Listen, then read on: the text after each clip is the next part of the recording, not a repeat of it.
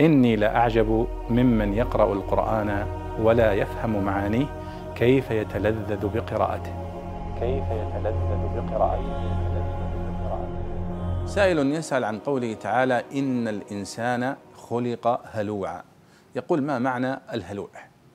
والجواب أن هذه الآية قد وردت وجاء تفسيرها بعدها مباشرة في سورة المعارج. فالله يقول إن الإنسان خلق هلوعا.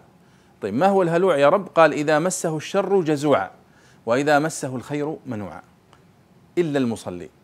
فإذا الهلوع هو الضجر الذي يجزع من الشر وإذا أصابه الخير والنعمة فإنه يمنع خيره عن الناس.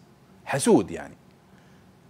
فإذا هذا هو الهلوع هو شديد الجزع عند المصائب شديد الطمع وشديد الحسد والمنع عند الخير وعند النعمة. هذا هو معنى الهلوع. ولذلك يقول عمر بن الخطاب فيما روي عنه لو لم يخبرنا الله عن معنى معنى الهلوع ما عرفناه. فإنه قال هل آه، إن الإنسان خلق هلوعا إذا مسه الشر جزوعا وإذا مسه الخير منوعا. إلا المصلين.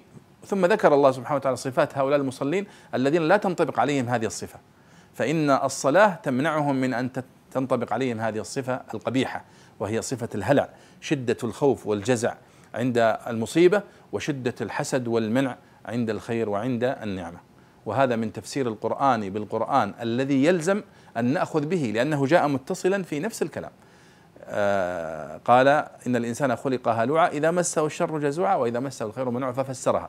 القارعة ما القارعة وما أدراك ما القارعة يوم يكون الناس كالفراش المبثوث وتكون الجبال كالعهن المنفوش. ففسر المقصود بالقارعة. فإذا هذا من تفسير القرآن بالقرآن المتصل في سياق واحد الذي يلزمنا الأخذ به وتفسير الآية به. هذا هو معنى الهلوع في هذه الآية في سورة المعارج والله أعلم.